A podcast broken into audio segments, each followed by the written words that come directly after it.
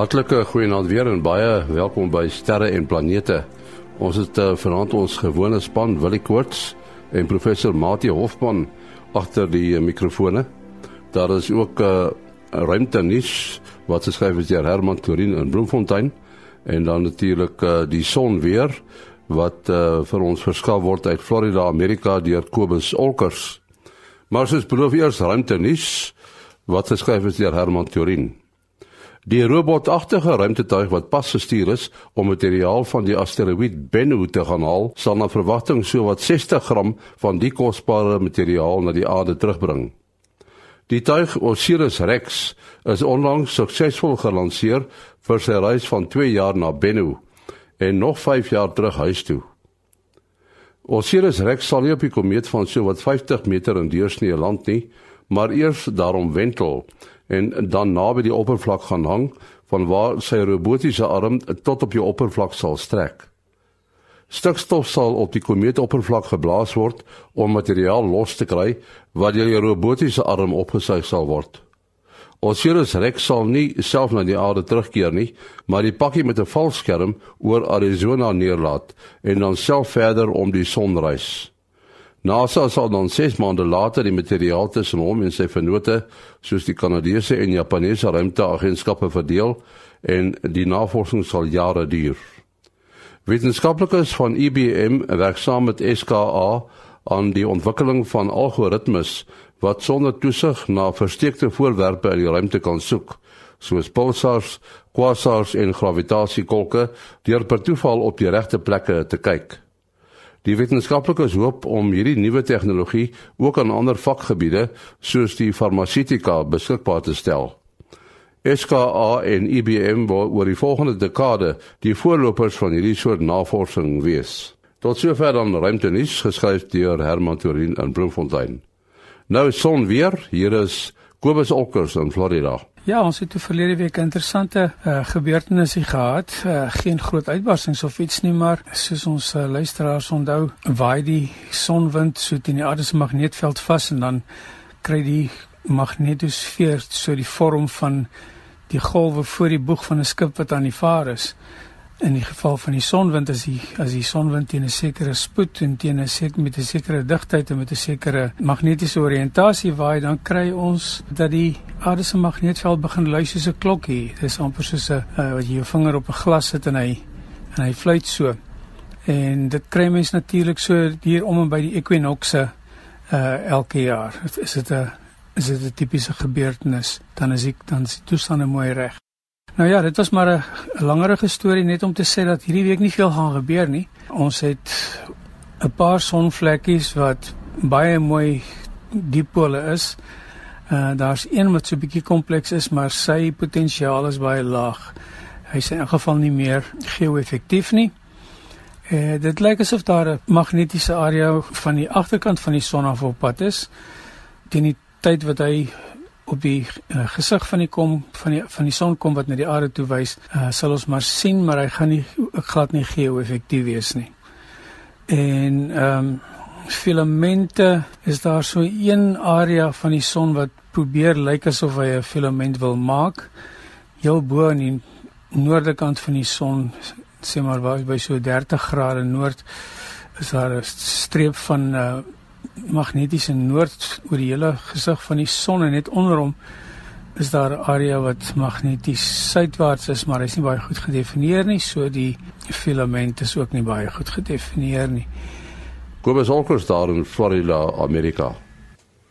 Ons span is uh, weer gereed hier by die uh, sterre en planete mikrofoon. Dit is professor Mati Hoffmann van die Universiteit van die Vrystaat, die Boden Sterrewag en die digitale planetarium en wat die koers van die SAAO. Nou Mati, uh dis dis nou al so 'n week of wat gelede, toe was Philae en Rosetta weer in, in die nuus. Dit lyk my uh dit is nou die laaste sien van die blikkantien wat hulle betref, nê? Nee? Uh ja, nee, dit het nogal as 'n groot verrassing gekom. Dit uh Rosetta en Philae was natuurlik groot nuus geweest. Dit is nou al amper 2 jaar gelede, 12 November 2014, toe die Philae tuig op die komeet Churyumov-Gerasimenko uh geland het.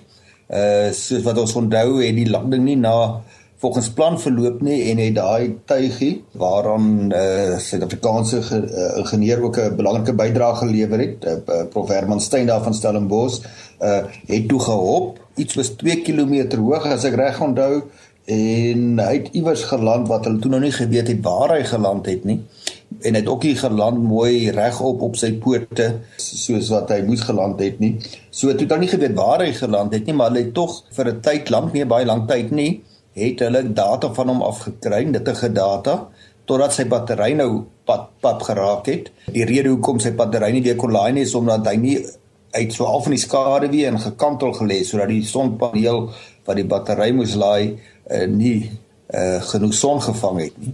Die hoop was toe dat as soos wat die komeet in sy baan om die son al nader aan die son kom, dat uiteindelik uh, meer sonlig sou ontvang en die uh, landingsstyg se battery voldoende sou laai sodat hulle nog data kon kry. En inderdaad ongeveer uh, in Junie Julie laas jaar het hy weer sporadies met uh met die aarde gekommunikeer via die Rosetta moedertuig wat dan nou in 'n baan om hierdie komeet was maar toe dit nou weer stil geraak en die kans vir kommunikasie het kleiner en kleiner geraak onder die komeet klaar sy draaipunt by die son bereik het en al verder en verder wegbeweeg het. En toe nou in die afgelope week wel in die laaste maand van van hierdie sending voordat hulle nou die Rosetta tuig gaan land of bots op die komeet om die sending te beëindig en vir oulaas naby data te kry toe het hulle die landingstuigie gevind waar hy uh daar in 'n half tussen die uh in 'n in 'n holte skuins lê. Jy kan sien een poot wys die lig aan. Jy kan werklik die tuigie op die foto uitken. En die belangrikheid daarvan is dat wel hulle sal nie eindig met daai gevoels en nie geweet waar hy is nie, maar behalwe daarvan, hulle kan nou die data wat hulle wel ontvang het, kan hulle nou koppel aan 'n bepaalde omgewing wat hulle weet hoe lyk dit, so hulle kan dit beter in die konteks van die bepaalde gebied op die uh komeet interpreteer. Uh so ek dink daar was groot omwinding. Ek dink veral by die wetenskaplike Cecilia Tubiana wat nou op die hoë resolusie kameras se fotos gewerk het. Sy was die eerste persoon wat dan nou uit die paar teikens wat hulle opgevolg het en hulle die uh, die die Rosetta se baan so verander dat hulle al nader en nader kon kom tot op 'n afstand van 2.7 km oor die oppervlak en toe kon hulle nou uiteindelik dit die kolletjie wat hulle gedink het uit 'n paar kolletjies wat 'n uh, eh, uh, eh, moontlike teikens was, kon hulle bepaal ja, dit lyk nou soos die landingsstyg. Dit is nie meer net 'n suggestie nie ek het gesien die foto waarop sy dit geïdentifiseer het en uh, as jy die foto selfs groot maak op die rekenaar uh, dan sê hulle jy moet nou net die middel van regs kyk en nie dan en ek sou sê jy moet daarom fyn kyk om daai tuig raak te sien. En die probleem soos Mati sê is dit het 'n diep skade weer van hierdie kraans gelê en um, en hulle moes ook die fotos hulle moet stretch hulle moet die hulle moet die beligting so maak dat jy kan in die onderbeligte dele van die foto ook kan inkyk. Soos uh, maar het nou gesê 2.7 km uh van die uh, komeet het die uh, Rosetta tuig gaan draai en uh, dan kan hulle soveel as 5 cm uh per piksel kan hulle sien en die tuigie is daarom net so bietjie meer as 'n meter groot. So dit is nogtans fyn kyk, maar ja, baie wonderlik en laat julle dat hulle nou die data kan koppel aan aan die omgewing van 'n ligfoto af eerder as uh, uit die oogpunt van die filetuig self. Die Rosetta tuig het, het ons nou saam met die komeet om die son beweeg. Nou wil ek net weet die lig wat 'n mens van die son af kry. Is daar 'n verskil tussen lig soos ons dit ken en so iets soos fotone? Lig is nou een van die aspekte wat ons uh, baie beleef, maar dis nog steeds in die wetenskap een van die moeilikste dinge om te verstaan. Ons uh, uh, ons sien die effek van lig, ons voel die effek van lig, maar om te gaan sê lig bestaan uit presies dit en dit was nog maar altyd 'n groot probleem in die wetenskap tot so 'n mate dat ons vandag nog met 'n uh, 'n tweeledige beskrywing sit wat al twee geldig is in bepaalde situasies. Uh die golfmodel uh waar volgens ons lig dan as elektromagnetiese golwe beskou en die belangrike eienskap van die golwe is die sogenaamde interferensie effekte. En dit kan ook verklaar as 'n elektromagnetiese golf hoekom dit deur 'n vakuum uh kan beweeg. Met interferensie bedoel ons dat jy kan twee golwe kry wat bymekaar kom en mekaar of kan wederzijds versterk of kan kanselleer. Soos wanneer jy uh klippies twee klippies naby mekaar in water gooi en jy kyk daardie sirkelvormige golffronte waar hulle oor mekaar beweeg, gaan jy 'n sekere rigtings kry waarin die amplitude van osillasie, die golf se hoogtes baie laer is as in ander rigtings. Uh so dis in bepaalde rigtings kry jy dat die een golf wil opbeweeg en die ander golf wil afbeweeg en dan kanselleer hulle mekaar uit. Jy kry natuurlik ook uh, uh nie net destruktiewe interferensie waar die golwe mekaar uitkanselleer nie, maar ook konstruktiewe interferensie waar hulle mooi in fase aankom en gelyktydig uh wil uitwyk in dieselfde rigting en dan uh mekaar wederzijds versterk. Dit is nou die golfmodel en daar's baie eksperimente wat dit bevestig uh in die fisiese optika. Uh maar dan kry jy die deeltjie model wat uh Newton oorspronklik mee vorendag gekom het of 'n voorstander van was en dit het veld gedomeineer omdat Newton soveel aansien ge gehad het die deeltjie model wat jy dit nou as 'n bundel deeltjies beskou wat uh, energie kan oordra. Uh, maar met daai deeltjie model kan jy nie die interferensie verklaar nie, maar jy kan weer wel ander eksperimente verklaar soos wat Albert Einstein gedoen het met die fotoelektriese effek waar jy moes kon ver, moes kon verklaar hoe elektrone uit 'n materiaal vrygestel word wanneer lig daarop inval, veral ultraviolet lig en die die die detail van hier die gedrag van hierdie effek kan slegs met 'n deeltjie model verklaar word. So in daai tyd het die konsep van die fotone na vore getree. Uh, ons kan nie presies 'n prentjie teken van hoe lyk 'n foton nie. Al wat ons kan kan doen is om te kan sê vir lig met bepaalde kleur of golflengte of dan frekwensie, ehm um, het jy pakkies energie wat ons dan fotone kan noem geassosieer met 'n uh, bepaalde energie wat gelyk is aan 'n konstante maal die frekwensie en jy kan ook uh, die momentum daarvan kry as die energie gedeel deur die spoed van lig. So jy's 'n eenvoudige formuletjies wat dan vir jou sê wat is die eienskappe van wat jy dan nou as 'n deeltjie beskou. 'n Deeltjie die eienskap is gelokaliseer. Dit dra sy dit konsentreer die energie in 'n klein volume in die ruimte en dra dit so as 'n geheel oor, nie bietjie vir bietjie nie. So as jy dit as 'n foton beskou dan dra jy al al sy energie oor aan 'n materiaal of niks nie. Die fotonmodel word eintlik in die prak in die praktyk gebruik. Ehm um, want ons het uh, byvoorbeeld instrumente wat letterlik die fotone kan tel. Uh ons het uh, ons ons, ons baie baie ou kamera, deesdae gebruik ons CCD's daarvoor, maar um, in die ding se naam was die Reticon Photon Counting System. En en uh, ons kon letterlik die fotone tel. Uh so uh, lae ligintensiteit kan ons kan ons uh, meet. En en dit is fisies pakkies, dis altyd 'n um, veelvoud van 'n sekere hoeveelheid energie uh en wat soort van in pakkies verpak is en dan manifesteer manifesteer op jou op jou instrument.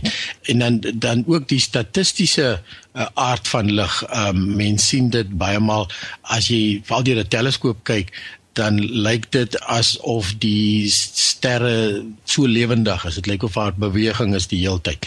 En om om dit nou af te neem en jy neem dit byvoorbeeld met 'n videokamera af en jy kyk 'n rampie vir rampie, dan lyk dit of as sekere sterre verdwyn en die, die volgende rampie is die ster weer daar. En die en die ram die, die volgende rampie is daai ster miskien dowwer. Uh veral as jy naby aan die aan die limiet wees uh, van jou kamera. En um, as jy dan die uh, uh beelde op mekaar stapel, uh dan dan kry jy 'n baie mooi duidelike beeld, maar dit is asof daar pakkies lig aankom uh, en en wat nie altyd deur jou detektor opgevang word nie. Ja, maar uh, nie die probleem nou in die in die fisika is dat daai oomblik voordat Willie se kamera nou daardie foton tel. Sê nou maar hy kyk na die ster Alpha Centauri op 'n afstand van net oor die 4 ligjare. Dan sê die fisika vir ons, dan is die energie van daardie uitstraling uh, of daai golf versprei oor 'n sfeer met 'n radius van 4 ligjare. So dis soos 'n golf. 'n Golf kan mos nou wyd uitgesprei wees. Maar die oomblik as hy dan getel word, dan konsentreer hy dan eh, dan neem jy skielik die ander gedrag waar. Dan draai al sy energie op een plek oor. Maar jy sou in beginsel verskillende gedeeltes van daardie golffront sê van twee verskillende plekke in die teleskoop kon uh, na mekaar toe bring en dan kon jy aantoon dit gedra het soos golwe want jy sou interferensie kon kry. En as jy nou baie fotone getel het op daai kamera uh, uh, wat wil jy nou gebruik, dan gaan jy nou 'n patroon kry met 'n helder kol in die middel van 'n ster en dan so ringetjie rondom. En daai ringetjie rondom is 'n uh, golfeffek. So dit bly 'n teenstrydigheid in die fisika. Ons het al twee modelle nodig, die golf en die fotonmodel. En die vraag is net op watter manier doen jy jou waarneming? Ons kan nie verder gaan en sê wat lig regtig is nie. Ons kan net sê as jy hom so waarneem, gedraai hom soos 'n golf en as jy hom anders waarneem, gedraai hom soos 'n bundel fotone of deeltjies. Uh, dit iets anders heel kort uh Willie. Uh die die, die uh aardbewoners se vermoë om asteroïdes raak te sien. Want die mense lees maar elke nou en dan dat daar 'n klip verbygegaan het wat die ouens nie van weet nie.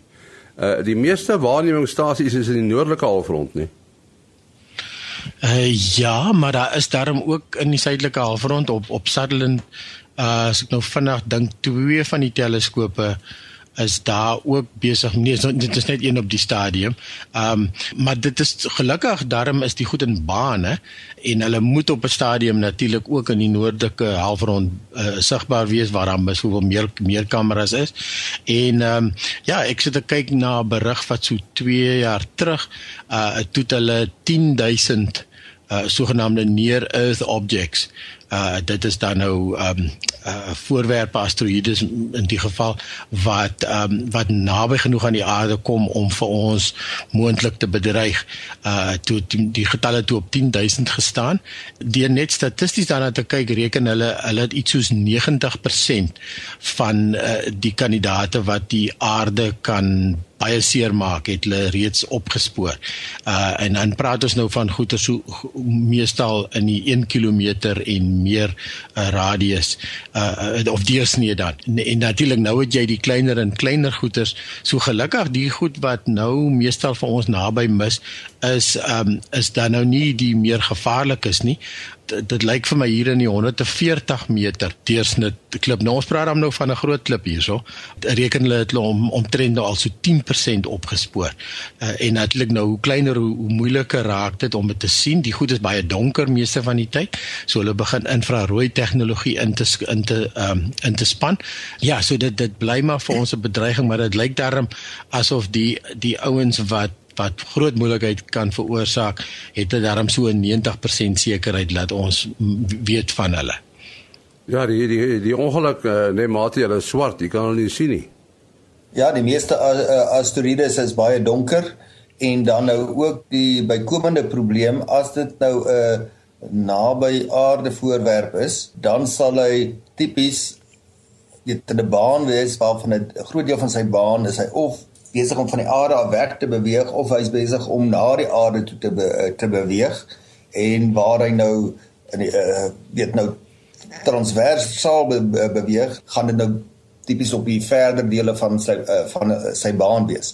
Nou weet ons as ons nou na 'n vliegtuig kyk wat van ver af aankom in ons rigting, dan vat dit lank voor mens kan sien dat hy beweeg. Weet dit lyk baie keer soos 'n helder lig wat daar uh, wat daar stil staan. So die enigste manier om te weet jy het iets 'n uh, asteroïde gevind is om te kon aantoon dat dit beweeg teenoor die ster agtergrond net sou of jy dit nou in sigbare lig of in infrarooi uh, uh, waarneem maar jy moet die beweging sien. Uh, en uh, dit is juist 'n probleem vir voorwerpe wat uh, tipies in die siglyn na die aarde toe uh, min of meer beweeg. Maar nou wel uh, wil ek nou 'n bietjie van die getalle daar genoem en ek sien NASA se uh, eh, NEO near earth object program as jy nou die kleiner voorwerpe bytel trek hulle nou al hier so by 15000 en die wat groter as 'n kilometer is is nie ver van 1000 af nie. So dit is nogal baie voorwerpe wat wat wat baie groot is, weet. So nou nog nie heeltemal so Tafelberg nie, maar enkeles van hulle sal seker so groot soos Tafelberg uh, wees. En die die sukses met hierdie soektogte het eers maar omtrent in die la uh, vanaf die jaar 2000 begin. Voor die tyd was daar maar min ontdekkings, maar nou in die laaste paar jaar het die aantal ontdekkings uh weet amper lineêr tot eksponensieel gegroei per jaar. Ons moet ongelukkig afsluit. Wil jy jou besonderhede? Ja, mense kan bel, WhatsApp of SMS 0724579208.